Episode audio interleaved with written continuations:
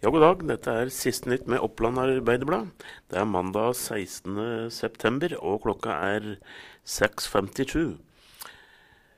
Gamle Ile skole har vært til salgs ei en stund. Nå er, kan det ligge an til at en kapping eh, får kjøpt skolen. Eldar Vågan har nemlig lagt inn eh, bud på 1 100 kroner, altså 100 kroner over prisantydningen. Eh, Vågan har planer om å lage kunstgalleri, showrom og konsertsal i første etasje. Og rådmann Bjørne, unnskyld, Bjørn Faukard i Vestre Toten kommune foreslår at kommunestyret går inn for å segle skolen til Vågans selskap, Durago AS. Så skal det handle mer om eh, eiendom. Eh, Birger Sand Bakke han eh, søker fritak fra eiendomsskatt for Svennes gård på Biri. Han mener det er historisk verdifulle bygninger på, på gården som gjør at han må fri, få fritak for dette.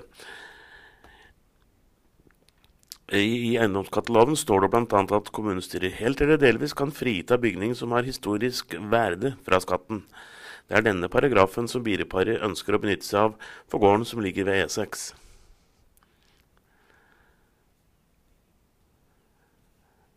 Så litt nyheter fra rundt Mjøsa. Det er et, uh, blitt et, historisk skifte i, i Elverum. Arbeiderpartiet og, og, SV samarbeider nå med Fremskrittspartiet. Og det er, uh, det har aldri skjedd før, skriver Østlendingen. Det er Lillian Skjærvik som blir ordfører med hjelp av Fremskrittspartiet. Eh, Framtidas Elverum blir eh, avtalen kalt. Avtalen kom på plass eh, søndag ettermiddag, da det ble et brudd i forhandlingene mellom Ap, SV og Miljøpartiet De Grønne.